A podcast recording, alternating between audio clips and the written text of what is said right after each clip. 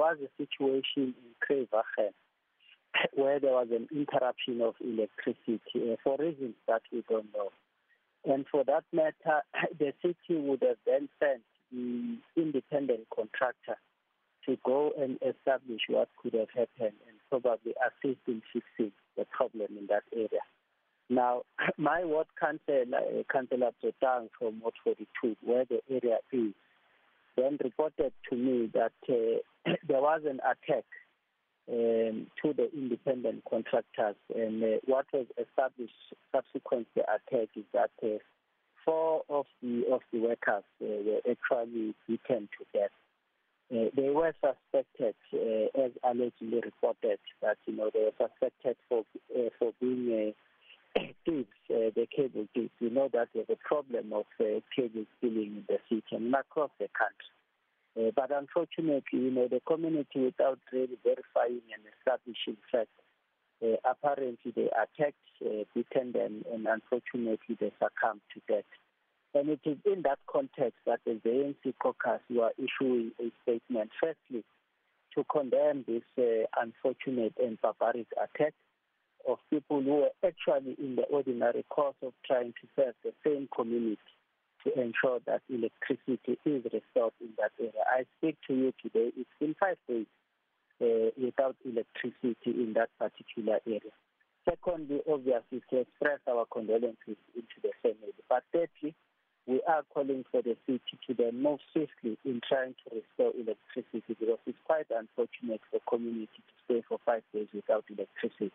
You can also appreciate that on the city's part, it's quite difficult to move as speedily as possible if the environment is not conducive enough. And that is why in our statement, we are calling for the community members in that affected area to really work with the city and that our EMTD uh, officers must also be on the ground so that they assist the process of a safe environment, which in turn must lead to the restoration of the electricity. On our part, Sakina, we are planning to convene some community engagement uh, with the community members in that particular area, really to send a strong message to desist from such a conduct of attacking people without even verifying what is it that they are going to do. Mr. Tlabati, have you been in contact with the police in any way, shape, or form to find out whether um, the investigation is wielding any so yielding any sort of results at this point? Not yet directly, Sakina. As you may appreciate that uh, we are issuing a statement as the ANC caucus in Council.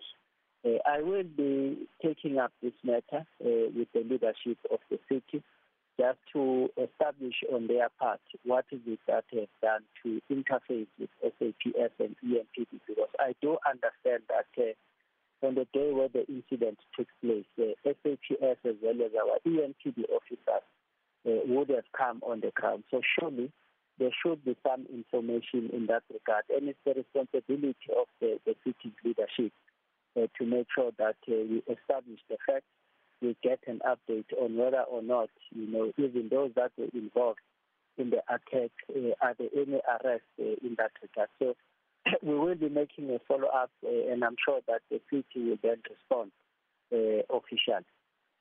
So I'm curious to understand um, from the ANC caucus's perspective, what do you believe is ultimately at the root and, and, and uh, the root cause for what transpired here in Kreyvagen Park on Monday?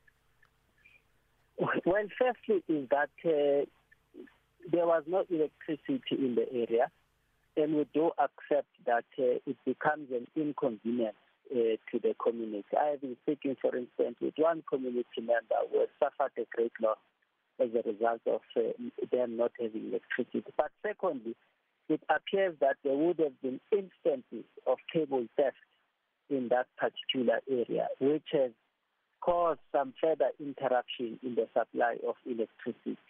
And probably that could have been a trigger to the community members, unfortunately, to attack without verification those that were sent to us. So in the main, uh, Sakina, uh, really without attributing it solely uh, as a factor, is that the issue of cable theft is a big problem. It does affect the households who in turn, you know, end up reacting uh, in the manner in which they've uh, reacted. Uh, unfortunate because uh, they did not verify. So I can attribute it mainly to the fact that community members are frustrated with cable theft, which in turn affect the supply of electricity.